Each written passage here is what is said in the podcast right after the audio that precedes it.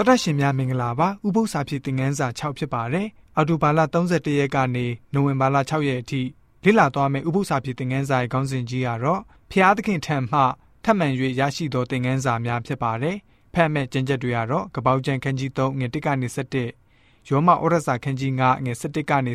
19ကပောက်ကျန်ခန်းကြီး28ငွေ10ကနေ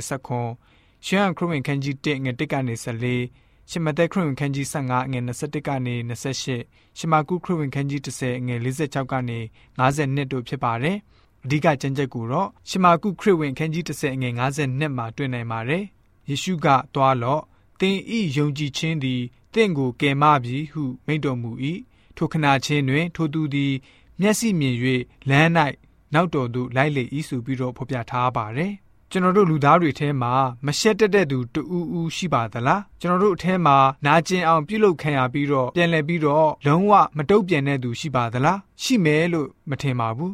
အရှက်ရှိတဲ့သူတုတ်ပြန်တက်တဲ့သူတွေကြီးပဲဖြစ်ပါတယ်စဉ်းစားကြည့်လိုက်ပါအာဒန်နဲ့အေဝါတို့ဟာဆိုလို့ရှိရင်ကောင်းမကောင်းတိကျွမ်းရအပင်ရဲ့အသီးကိုစားပြီးတဲ့နောက်မှာသူတို့ဘယ်လိုမျိုးဖြစ်သွားကြလဲ နောက်ပြီးယာကုပ်ဟာဆိုလို့ရှိရင်ဖခင်ကြီးကိုလိန်လည်ပြီးတော့တာဦးရဲ့ကောင်းကြီးတောင်းခံခဲ့ပြီးတဲ့နောက်မှာအကိုရဲ့ဒေါသထွက်တာကိုကြောက်ပြီးတော့ထွက်ပြေးခဲ့ပါတယ်။ညအချိန်မှာသူ့အနေနဲ့ဘယ်လိုမျိုးအိတ်ဆက်ခဲ့ရတယ်လဲစဉ်းစားကြည့်ပါ။ပြင်းမာတဲ့အချိန်မှာပဲဖမ်းမိပြီးတော့ခေါ်လာခံရတဲ့မိမရဲ့အမူအရာကလည်းဘယ်လိုမျိုးရှိနေမလဲ။နောက်ပြီးဒါဝိမင်းကြီးရဲ့အခြေအနေကလည်းပဲဘယ်လိုမျိုးဖြစ်ပျက်ခဲ့သလဲ။ဆာလန်ကျန်ခန်းကြီး32မှာဒါဝိမင်းကြီးရဲ့ဝန်ချတောင်းပန်တန်ကိုကျွန်တော်တို့ဖတ်ရှုလို့ရပါတယ်။ ဧဝံဂေလိတရားဟာဆိုလို့ရှိရင်စကြဝဠာလုံးဆိုင်ရာတရားဖြစ်ပြီးတော့ခရစ်တော်ရဲ့အသေးခံခြင်းဟာလူသားအားလုံးအတွက်ဖြစ်ပါတယ်ကျွန်တော်တို့မှာမတူကွဲပြားမှုတွေရှိနေကြမှာဖြစ်တော်ညာလဲပဲအသေးချာတူညီနေတဲ့အချက်တစ်ချက်ကတော့လူတိုင်းအပြစ်ရှိပါတယ်ဆိုတဲ့အရာပဲဖြစ်ပါတယ်ဒါကြောင့်စစ်မှန်တဲ့ခရိယန်ပညာရေးစနစ်ဟာဆိုလို့ရှိရင်